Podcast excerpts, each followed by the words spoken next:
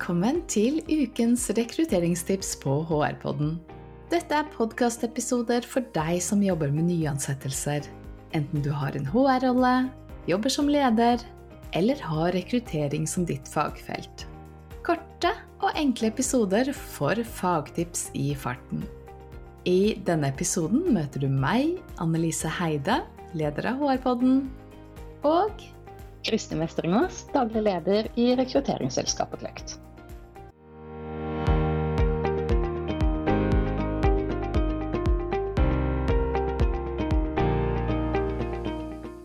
Du Annelise, selve ordet magefølelse, det fins både på engelsk og norsk. Gut feeling og magefølelse. Men har du tenkt over at på flere språk så fins det ikke noe tilsvarende ord? Da blir det bare intuisjon eller fornemmelse eller noe lignende. Oi. Eh, nei, eh, det er litt kult, men det har jeg selvfølgelig ikke tenkt på, for det visste jeg ikke. Men hvorfor heter det egentlig mavefølelse? Mener man at følelsene sitter i maven?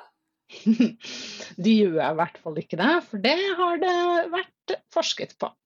I 2022 så publiserte Peter Holzer, han er en østerriksk professor, han publiserte en artikkel som oppsummerte funnene i forskningen. Og følelser de oppstår i hjernen. Det går selvfølgelig nervesignaler mellom magen og hjernen, men magefølelse i bokstavelig forstand, det fins ikke.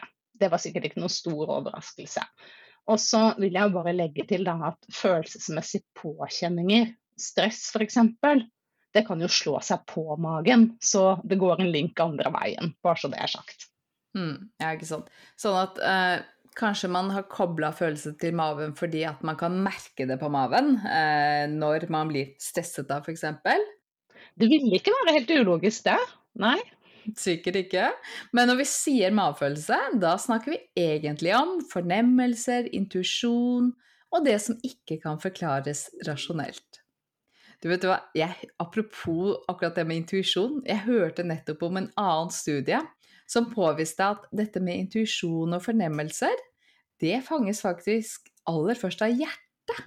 Eh, at hjertet responderer før hjernen. Eh, men ok, blås i det. For i dag så skal vi ikke snakke om hjertet og hjernen, men vi skal snakke om mavefølelsen. Og eh, det vi adresserer da, det er en følelse, altså noe vi mener veldig sterkt, uten å kunne forklare hvorfor. Mm, nettopp. Altså det vi ikke kan forklare rasjonelt. Denne følelsen av å bare vite noe. Man føler at noe er rett eller galt, og så kan man ikke forklare eller begrunne hvorfor. Men tenker du på det samme som meg nå, Annelise? Daniel Kahneman? Ja, det er veldig lett å bli minnet om Kahneman sitt arbeid når vi er inne på dette med intuisjon. For Daniel Kahneman, tidligere nobelprisvinner i økonomi, skrev om dette med intuitive og rasjonelle beslutninger i sin berømte bok 'Thinking Fast and Slow'. Og Kahneman han snakker om to typer av beslutninger. De som er raske, intuitive og følelsesdrevet, altså system 1-tenkning, og de som er rasjonelle, gjennomtenkte og mer logiske, altså system 2-tenkning. Og mange ganger så er vi ikke særlig bevisst på om vi gjør det ene eller det andre. Det kan oppleves som en særdeles rasjonell beslutning, men så er det egentlig system 1 som har gjort jobben, altså intuisjonen. Ja, og vi er helt avhengig av å ta raske beslutninger uten å måtte tenke så mye. Hjernen bruker jo mye mer energi når vi skrur opp bevisstheten og skal være logiske og rasjonelle. Så mer enn 90% av tiden så tar vi jo disse raske og ikke særlig gjennomtenkte beslutningene. Jeg kaller det ofte å gå på autopilot. Hmm. Og i det store og det hele så fungerer jo det helt utmerket. Det er vår hjerne sin unike evne til å spare på kapasiteten og iverksette system 1-tenkning som gjør at vi fungerer så godt i hverdagen. Men det er jo også denne fantastiske autopiloten som eh, lurer oss opp i stry. Som gjør at vi kan ha en tendens til å føle oss skråsikre på f.eks. en rekrutteringsbeslutning, uten at det nødvendigvis finnes en god grunn for denne vurderingen. Så denne intuisjonen vår, den kan spille oss et puss når det gjelder valg av kandidat. Mm. For en ansettelse, den er jo som regel verken uviktig eller en særlig enkel avgjørelse. Kandidater de skal jo vurderes ut fra kompetanse og hvor godt egnet de er for akkurat denne stillingen. Og har vi jobbet godt innledningsvis, så har vi kartlagt hva det er for noe. Men mavefølelsen, den har jo veldig lite med denne kravprofilen å gjøre. Så når man vurderer personer basert på magefølelse eller intuitiv tenkning, så vurderer man ut ifra seg selv, ikke ut ifra fakta eller objektive kriterier. Og så fikk jeg lyst til å legge til én liten ting til, og det er det at hvordan man har det den dagen, det påvirker også den eh, system 1-tenkningen. Så hvis du har hatt en skikkelig stressende morgen eller liksom dårlig start på dagen, så vil magefølelsen din i en situasjon være annerledes enn hvis dagen startet helt utmerket. Ja, ikke sant. Så eh, det er mange ting som påvirker magefølelsen. Den kan jo også la seg lure av det vi kaller biases, altså dine ubevisste fordommer eller preferanser. Og den er heller ikke spesielt god på å skille mellom det som er relevant og irrelevant informasjon for en beslutning. Der er du inne på noe viktig. For det vil jo gjerne være slik at i en rekrutteringsprosess så får man langt mer informasjon enn det man egentlig trenger. Og her koker det jo helt over for magefølelsen vår. For den klarer ikke å skille på de objektive kriteriene og om personen liker kanelboller, muffins eller har samme klesstil som deg selv. Og det har jo vist seg at det er de mer objektive kriteriene som er mest treffsikre. Konsul og Ons og Kegel de gjorde en studie på dette. Eh, man kan lese den i Harvard Business Review også. Og de kjørte en algoritme på vurdering av kandidater på objektive kriterier og den predikerte prestasjon bedre enn det mennesker klarte å gjøre. Og det var nettopp fordi den vektla det som var relevant, og bare det som var relevant, og ikke alt mulig annet rart. Og dette gjaldt på alle stillingsnivåer, helt opp til C-level. Mm.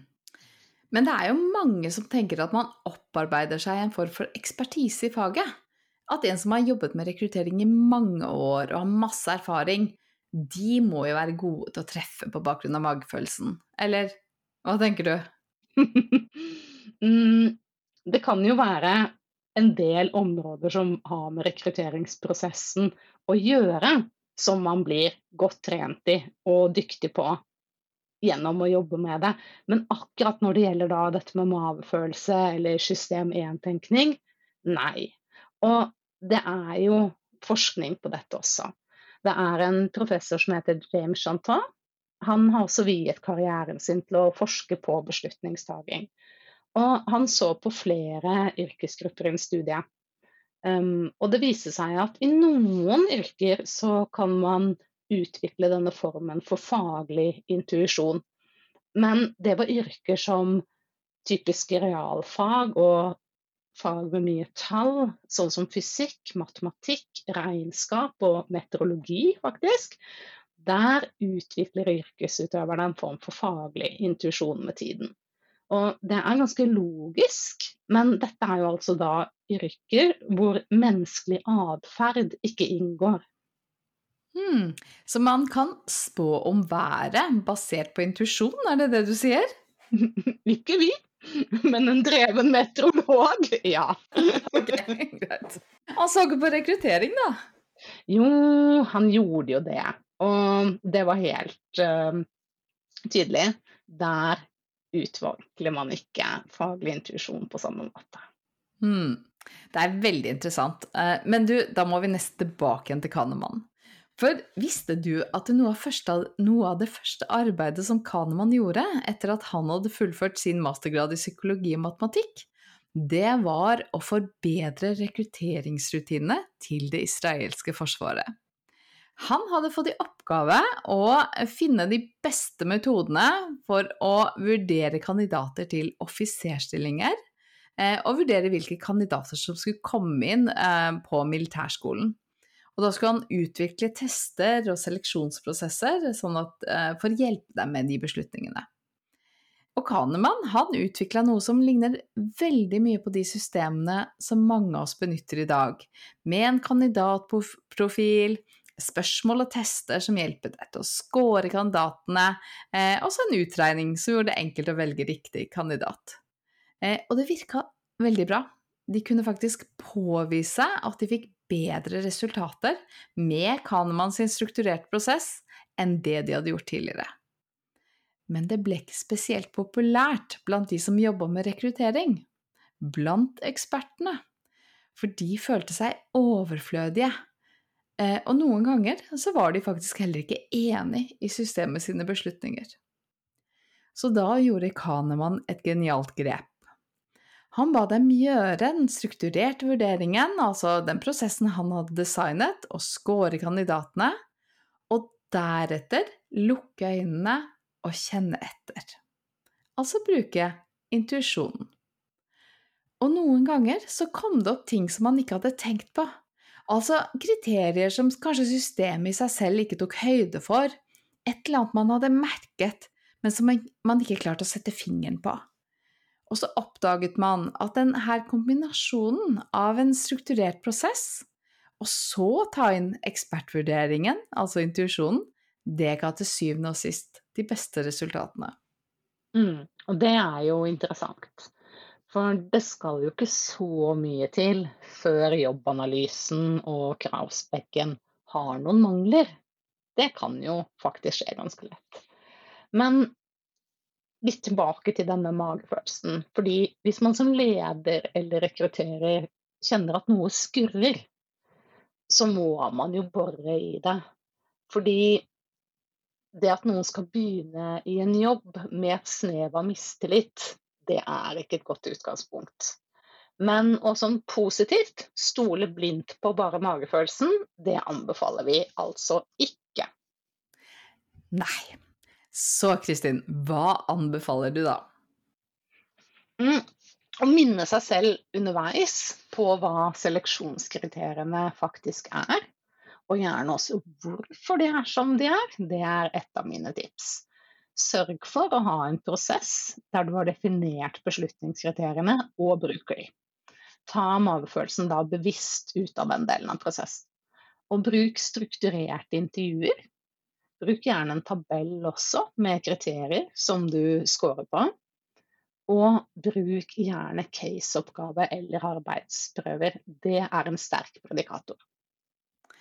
Veldig gode tips, Kristin som jeg mistenker det kan være greit å ha med seg til neste gang også. For på neste episode i HR-podden, eller HR-podden rekrutteringstips, der skal vi snakke om førsteinntrykk og bekreftelsesfellen. Vi høres!